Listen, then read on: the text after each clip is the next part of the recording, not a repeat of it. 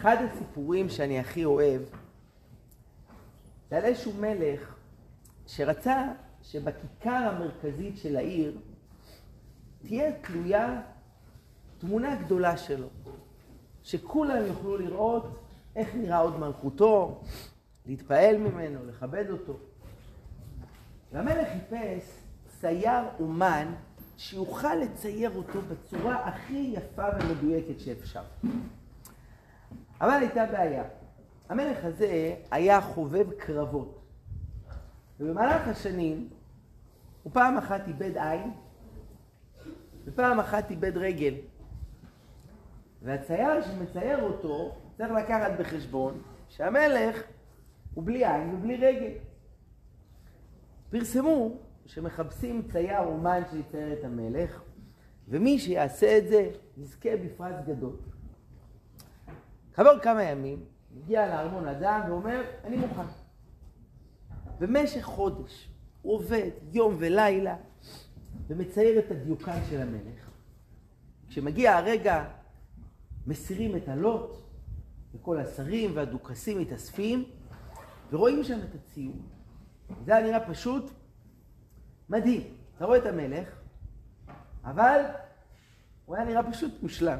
יש לו שתי עיניים, שתי רגליים, לא חסר כלום.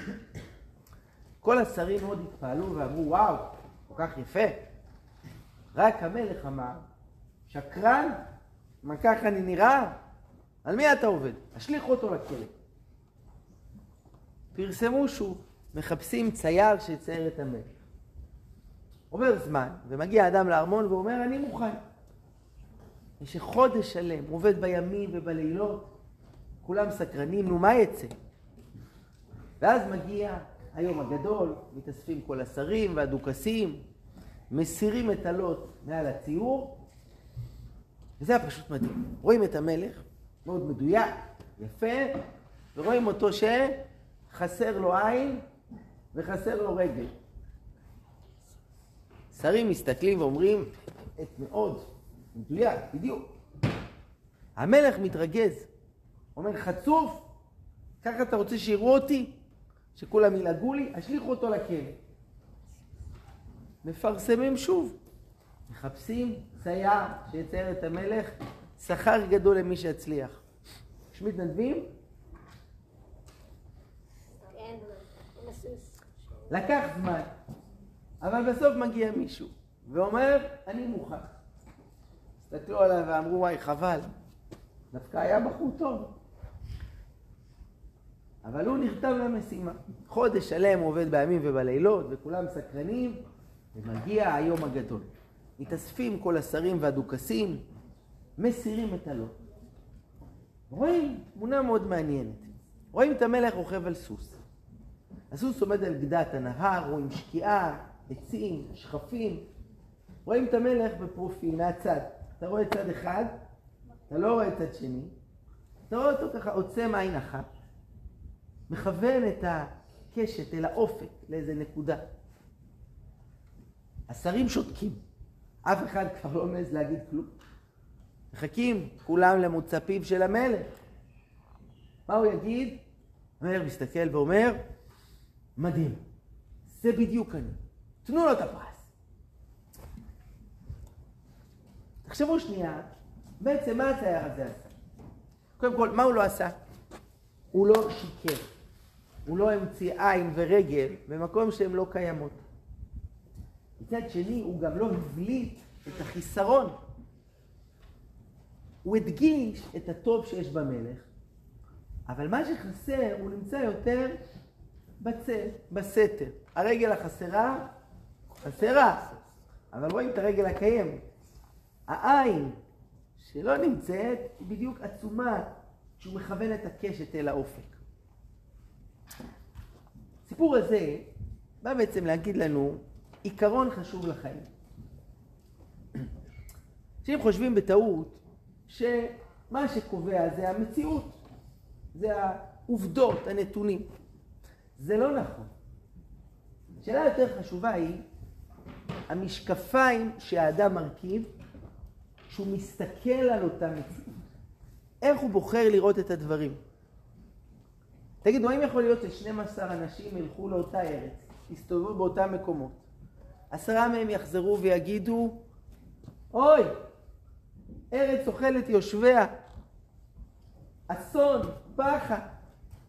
יהיו שניים שיגידו, ארץ זבת חלב ודבש. יכול להיות דבר כזה?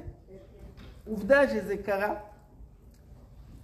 תגידו, מי צודק? האם מישהו מהצדדים שיקר? לאו דווקא.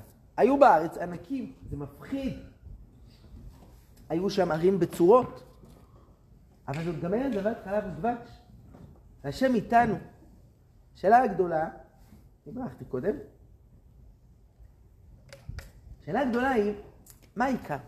במה להתמקד? איך להסתכל על הדברים? שמעתי סיפור מדהים שקרה במוצאי חג הפסח. הרב מרדכי אליהו, זר צדיק לברכה, היה גר בשכונת גבעת שאול בירושלים, מול מאפיית אנג'ל. מכירים? איפה שעושים את כל הרכבים, הרחמניות, הפיצות. אתם יודעים איך נראית מאפיית אנג'ל במוצאי חג הפסח? ג'ונגל. יש להם שם חנות לא גדולה, ויש שם תור ענק, ממלא את החנות, את המדרגות, את הרחוב, אנשים עומדים בתור שלוש שעות בשביל לזכות למה? ללחמניות הראשונות, לפיתות, ללחם, נכון?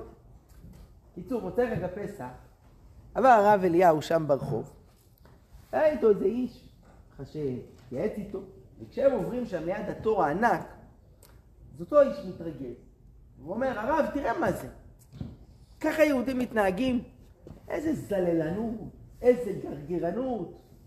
שבוע הם לא אכלו לחם, תראה איך מתנפלים. מה, לא אכלו לחכות עד מחר בבוקר שהלחם יגיע למכולת? מה זה, גועל נפש. אמר לו הרב אליהו, לא, תראה מה זה יהודים. כל כך הם אוהבים לחם, ואף על פי כן, שבוע שלם הם לא נגעו אפילו בפירור. אתם מבינים, שני אנשים יכולים להסתכל על אותה סיטואציה. אחד, מה הוא רואה? גועל נפש. איזה זללנים, בושה. אחד, מה הוא אומר? תראה מה זה יהודי. כמה הם התאפקו שבוע שלם, פירור הם לא נגעו. מי יודע איזה פרשה יקראו השבת הקרובה? בלק. בלק היה אלוף העולם, אתם יודעים במה? בעין רעה. הייתה לו מומחיות גדולה, שכשהוא מסתכל על דבר, הוא יודע תמיד להגיד מה זה לא בסדר, איפה זה לא טוב. מי האיש שהוא היה ההפך מבלק, מבלעם, סליחה? בלעם הייתה לו עין רעה. ההפך זה היה איש שהיה לו עין טובה. הוא ידע להסתכל על עיר שהיה בה מלא רשעים ולהגיד אולי אפילו בסדום יש חמישים צדיקים, אולי ארבעים, אולי שלושים, אולי עשרה, אפילו בסדום הוא מחפש את הנקודה של הטוב. ובלעם הוא הולך לראות את קצה העם. הוא מחפש, חז"ל אומרים, איך עבדה השיטה שלו של לקלל? הוא חיפש את הדבר הלא טוב, הוא התמקד בו, ואז הוא אמר את הקללה. הקללה הייתה נתפסת. דרך אגב, יש בעלי חיים כאלה. איזה יום יפה בחוץ. השמש זורחת, הציפורים מצייצות, מזג האוויר נפלא, הולך זבוב. אתם יודעים מה מעניין אותו? מה הוא מחפש? הוא רואה איזה גוש של, במחילה מכבודכם, מזכרת שהשאיר איזה כלב על המדרכה, זה מה שמעניין אותו. לא נעים להגיד, יש אנשים, כזה עולם מדהים, כזה עולם נפלא. במה הם מתעסקים? לא נעים להגיד, בדברים הנמוכים, בדברים השליליים. עכשיו תראו, זה לא שהם משקרים, יש נקודות כאלה, אבל השאלה היא מה המכלול. היה איזה רב שהוא עשה ניסוי לתלמידים שלו. הוא לקח דף, הוא אמר להם, מה אתם רואים? נקודה שחורה. אז הם כולם אמרו לו, זה כאילו דף לבן. אה, הם אמרו לו, יש פה נקודה שחורה. הוא אמר להם, כן, אבל יש פה דף שלם ענק, לבן. נכון, יש נקודה שחורה. מה שאתם רואים זה רק הנקודה השחורה, היא קיימת. אנחנו לא אומרים שלא. אבל מה, זה העיקר? זוכר, ביום חמישי אחד עשיתי קניות לשבת. הלכתי בסופר ליד הבית שלי, אני גר בפתח תקווה, ולפניה הולכת אישה עם עגלה, והיא דיברה בטלפון. היא הייתה מאלה שכשמדברים בטלפון, כל הסופר יודע מה היא מדברת. והיא התעצבנה על איזה דבר. ואז היא אמרה לחברה שלה, אני אומרת לה, המדינה הזאת, כולם שקרנים, כולם גנבים, כולם מקמבנים אותך כל הזמן. ככה, שפחה. גמרה את השיחה, ניגשתי אליה, ואמרתי לה, גברת, שתדעי לך, שאני מאוד נפגעתי ממה שאמרת עכשיו. אמרה, למה? כי את אמרת שפה במדינה כולם שקרנים, כולם גנבים, כולם... למה את אומרת עליי דבר כזה? אני לא משקר, אני לא... לא, אני לא אמרתי עליך, אני סתם. אז למה את אומרת סתם? תגידו, ככה נכון להגיד על עם ישראל שכולם שקרנים, כולם... השם ישמור, חס ושלום. להגיד להם שהכל מושלם? לא, יש גם רמאים, יש נוכלים, וצריך להיזהר. אבל חס וחלילה, עם ישראל זה עם צדיק, זה עם נפלא, זה עם טוב. תגידו לי, באיזה עוד עם, גם כשיש חופש גדול, באים נערים ויושבים ולומדים מבחירתם ויוזמתם. תגידו, אצל סינים יש דבר כזה? לא. אצל בולגרים יש דבר? לא. אצל מצרים? לא. רק עם ישראל. אין עוד דברים כאלה בעולם, אשרינו.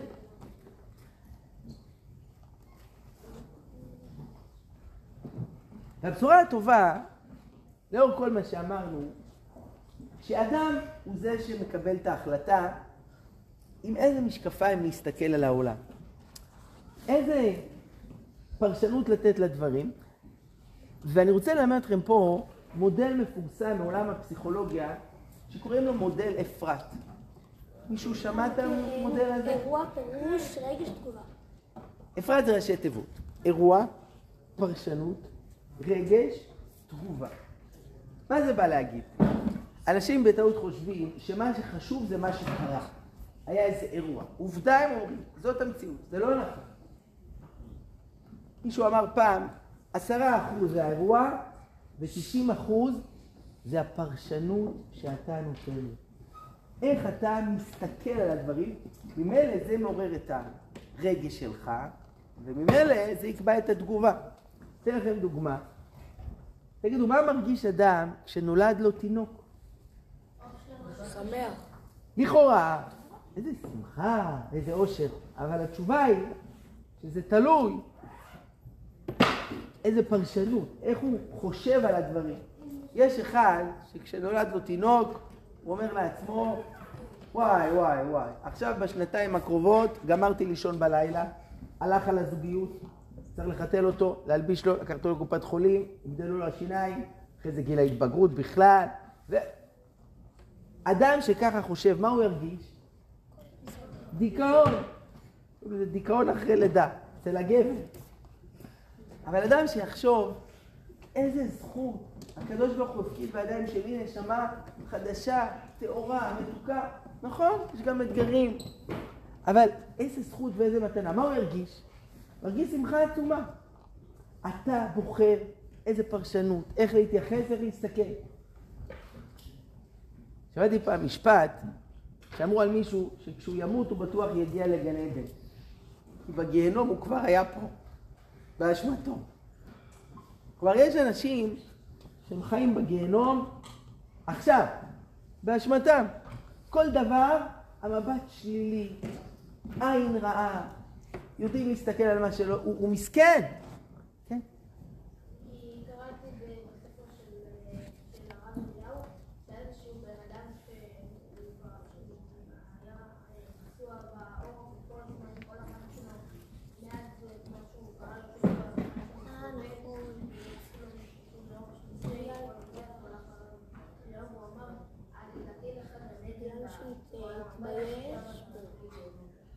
כן. טוב, זה גם נקודת מבט להבין שהייסורים של עכשיו, זה מביא לאדם כפרה, מביא שכר גדול. בכל אופן, אני רוצה להציע לכם עסקה אחרת. שיהיה לכם גן עדן פעמיים, גם פה וגם שם, אחרי 120. אחרי 120 בעזרת השם, כל המעשים הטובים, כל הלימוד תורה בחופש, התפילות, אבל גם כאן, האם לחיות בהרגשה רעה, שלילית, זה בידיים של האדם. אני רוצה לתת דוגמה איך הצורה של ההסתכלות זה יוצר את כל ההבדל. מעשה שהיה, אישה אחת מאוד קנאה בחברה שלה. שתיהן עבדו בהייטק, אבל החברה היה לה תפקיד מה זה שווה? משכורת, נעים. והיא קנאה בה. היא אמרה, אני לא פחות מוכשרת ממנה. למה היא עובדת בכזאת חברה שווה ואני סתם? יום אחד, החברה באה ואומרת לה, תקשיבי, התפנתה אצלנו משרה. מישהו עבר תפקיד, מחפשים עובד, עובדת חדשה. מעניין אותך? היא אמרה, בטח. היא שלחה קורות חיים, ואחרי יומיים היא קיבלה הזמנה לראיון. היא ממש התרגשה. זאת ההזדמנות שחיכיתי לה, אני חייבת לקבל את התפקיד. נכנסת לראיון, וההתחלה היה ממש טוב. המראיינת, הבוסית שם, של המחלקה, שואלת את השאלות ככה וככה, והיא עונה לה. אבל אז פתאום אחרי חמש דקות משהו השתנה. פתאום המראיינת מתחילה לצעוק עליה, להעליב אותה, להשפיל אותה. והיא הייתה בהלם, מה זה? בחיים לא היה לי כזה רעיון עבודה. מי רוצה בכלל לעבוד במקום כזה? ככה מתייחסים לעובדים? די, אני הולכת. יצא משם אחרי חמש דקות עם דמעות בעיניים. מה זה? עד כאן תרחיש מספר אחת. תראו איתי, אני עובר לתרחיש מספר שתיים. היא מגיעה לראיון. שנייה לפני שהיא נכנסת, עובר שם אחד העובדים, ואומר לה, אה, את באת פה לראיון עבודה? שיהיה בהצלחה. תראי, סתם שתדעי, הבוסית שמראיינת אותך, אישה מאוד מקצועית, עובדת מעולה, יש לה כזה קטע שלפעמים קופץ לה הפיוז, ופתאום היא מתעצבנת על משהו, ויכולה לצעוק עליך ולהתעצבן, אל תקחי את זה אישי. אמיתי זה קורה לה לפעמים, אחרי זה היא מבקשת סליחה, מה לעשות? כל אחד והבאגים שלו. היא נכנסת לראיון. חמש דקות ראשונות היה סבבה. אחרי חמש דקות פתאום התחילה לצעוק עליה, להעליב אותה, להשפיל אותה. מה היא חושבת לעצמה בראש? וואי, זה לא נעים ככה. תטפל בעצמה זו. תלך לאיזה יועץ, משהו. טוב, אולי שווה לי לעבור את הרעיון המעצבן בשביל להתקבל פה לעבודה, זה תנאים שווים. נעבור את זה. יוצאת משם אחרי כמה דקות, בסדר. עד כאן, תרחיש מספר 2. תרחיש מספר 3 ואחרון. היא מגיעה לראיון. שנייה לפני שהיא נכנסת, ניגשת אליה החברה שלה, זאת שעובדת שם, אומרת לה, תקשיבי, אסור לי לגלות לך, אבל יש פה כזה קטע בריאיון, שרוצים לבדוק איך העובד מתמודד עם מצבי לחץ. מה קורה אם פתאום איזה לקוח מתעצבן עליך, מאבד עשתונות, איך אתה מגיב, איך אתה מסתדר. זה, זה המבחן. אוקיי, היא נכנסת פנימה. חמש דקות הראיון, אבל כל הזמן, מה עובר לה בראש? מה היא מחכה? נו, מתי יתחיל האקשן? אחרי חמש דקות, כשהבוסית פתאום מתחילה לצעוק עליה, להעליב אותה, מה היא חושבת לעצמה? בואנה, איזה שחקנית. היא מבוזבזת בהייטק, הייתה צריכה ללכת להבימה. וכמובן היא עונה לה ברוגע, בנחת. היא מתעצבנת והיא עונה לה הכל. אחרי כמה דקות שיוצאת מהראיון, החברה שלה מחכה לה בחוץ, אומרת לה, נו, איך היה? היא אומרת לה, ענק, נראה לי שהתקבלתי. אתם הבנתם מה קרה פה? תראו, שלושה תרחישים. כשהמציאות הייתה אותה מציאות, כלומר, את נכנסת לראיון, הולך טוב, פתאום היא צועקת עלייך. מה עשה את ההבדל, אה? הכל התחיל ממה שעלה בראש. האם זה בום, נחת עליה, או שהיא התכוננה לזה, או שהיא נתנה לזה את הפרשנות, כן, זה חלק מהמבחן, זה חלק מהעניין. תראו כמה צרות יכול להיות לבן אדם בחיים, שיכול להתעצבן, לקלל, להיות מתוסכל, להיות מאוכזב. אבל אם יהודי מאמין שמי שמנהל את העולם זה הקדוש ברוך הוא. אז ממילא, יכול להיות שמה שקורה לי עכשיו זה חלק מהמבחן? יכול להיות שזה בא לבדוק עד כמה אני מאמין, עד כמה אני מתאמץ, עד כמה אני נחוש, ואז ממילא, אני רגוע, אני לא עצבני, אני לא כועס, אני לא מתוסכל. זה אפרת. יש אירוע פרשנות שאני בוחר לתת, ממילא מה אני ארגיש, וממילא מה תהיה התגובה.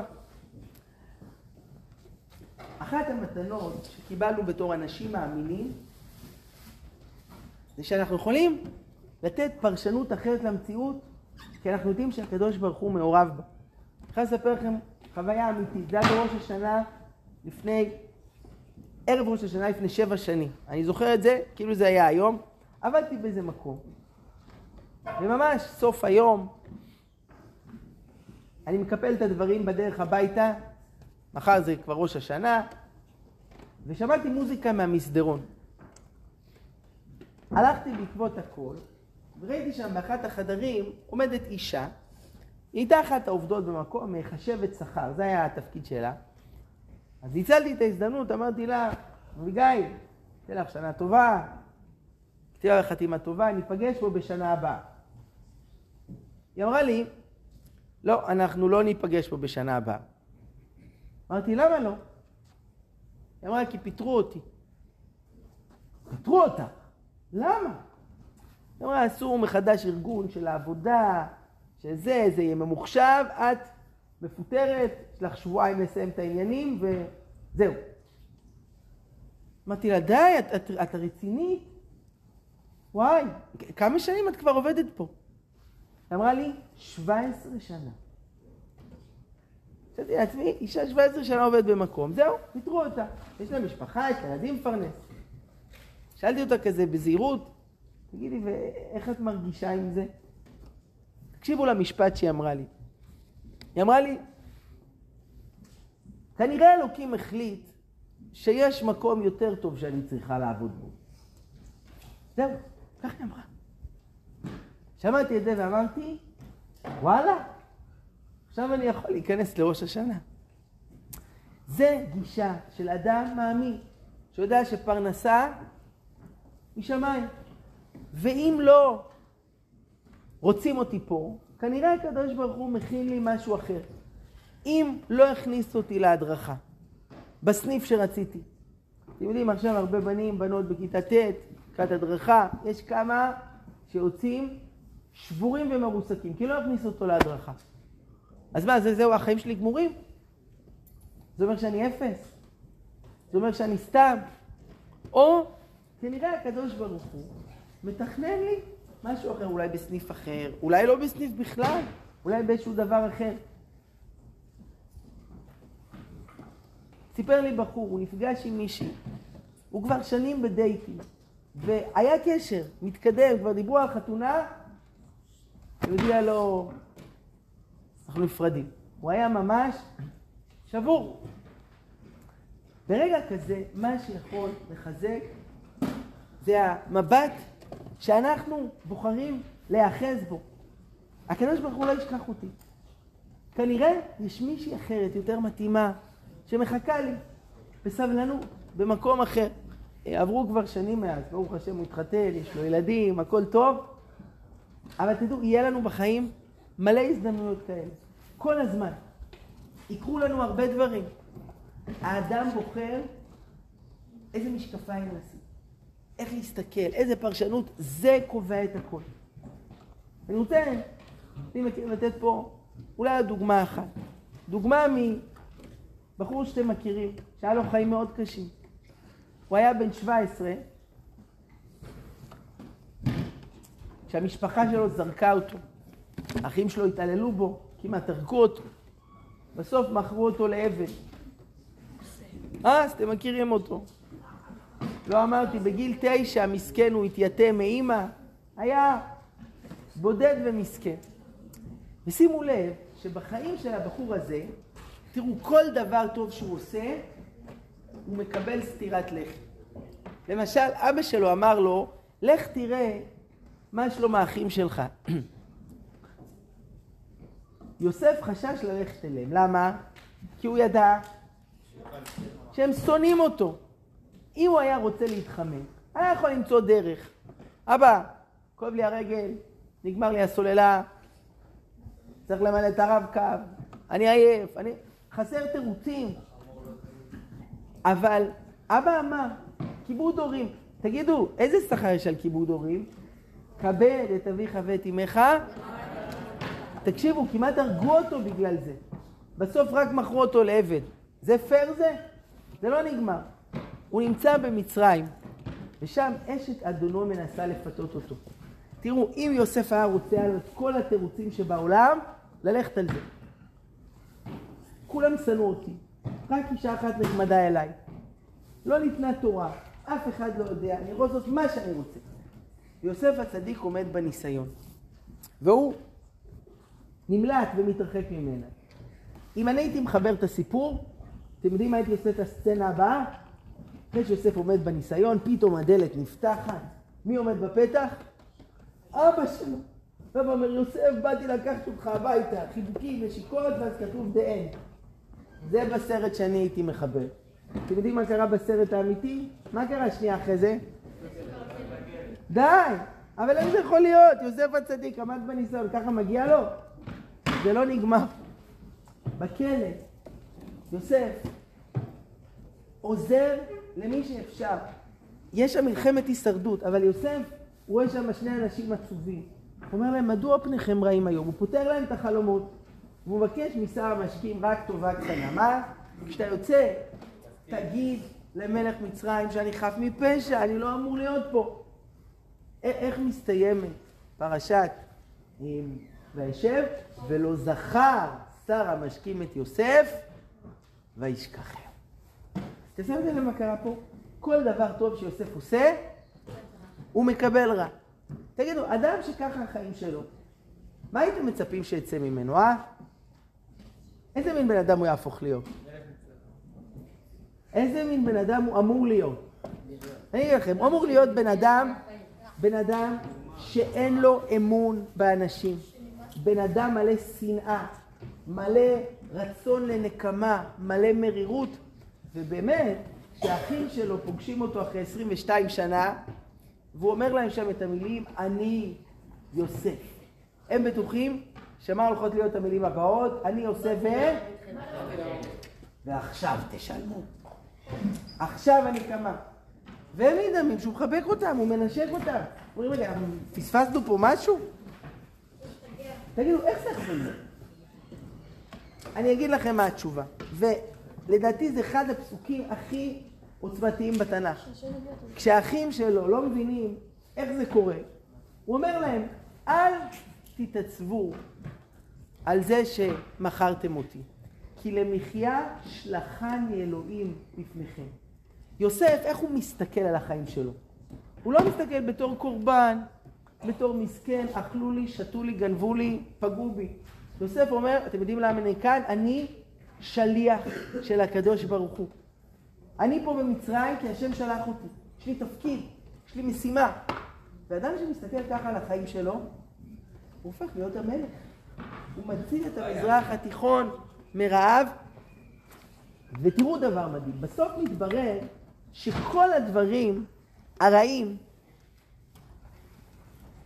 בעצם היו מקפצה אל הדברים הטובים. אמרנו הרי שלושה דברים. א', אבא שלו אומר לו, לך תראה מה שלום האחים. הוא הולך לאחיו ובסוף מה עושים לו? אוכלים אותו. אבל בואו נזכר, זה שמכרו אותו לעבד במצרים, זה הדבר שהוביל אותו לאן? להיות המלך במצרים.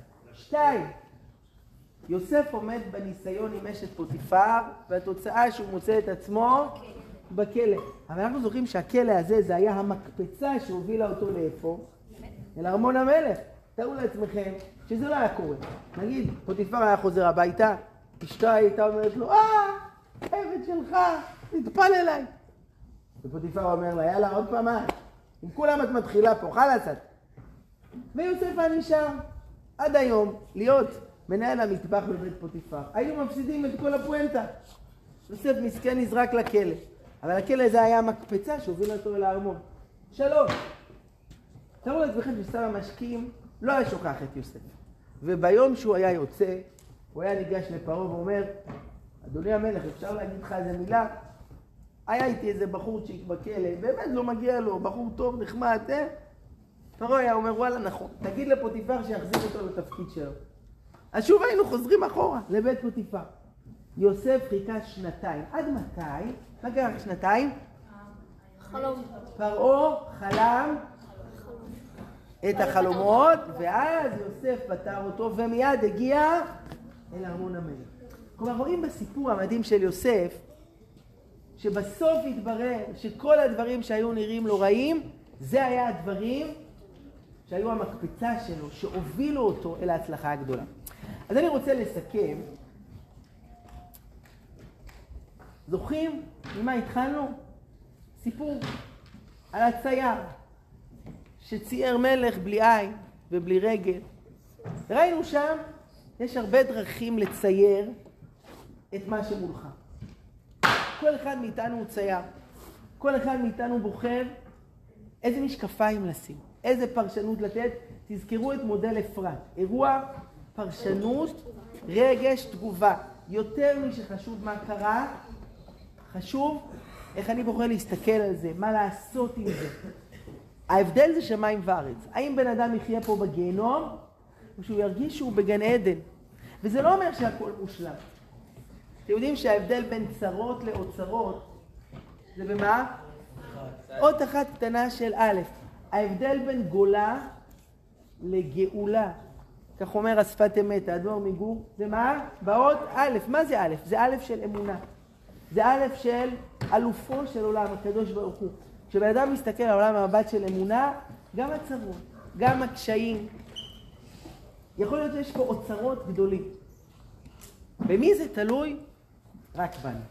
שיהיה לכם בהצלחה, ותמשיכו ללמוד ולגדול ולהצליח. להתראות.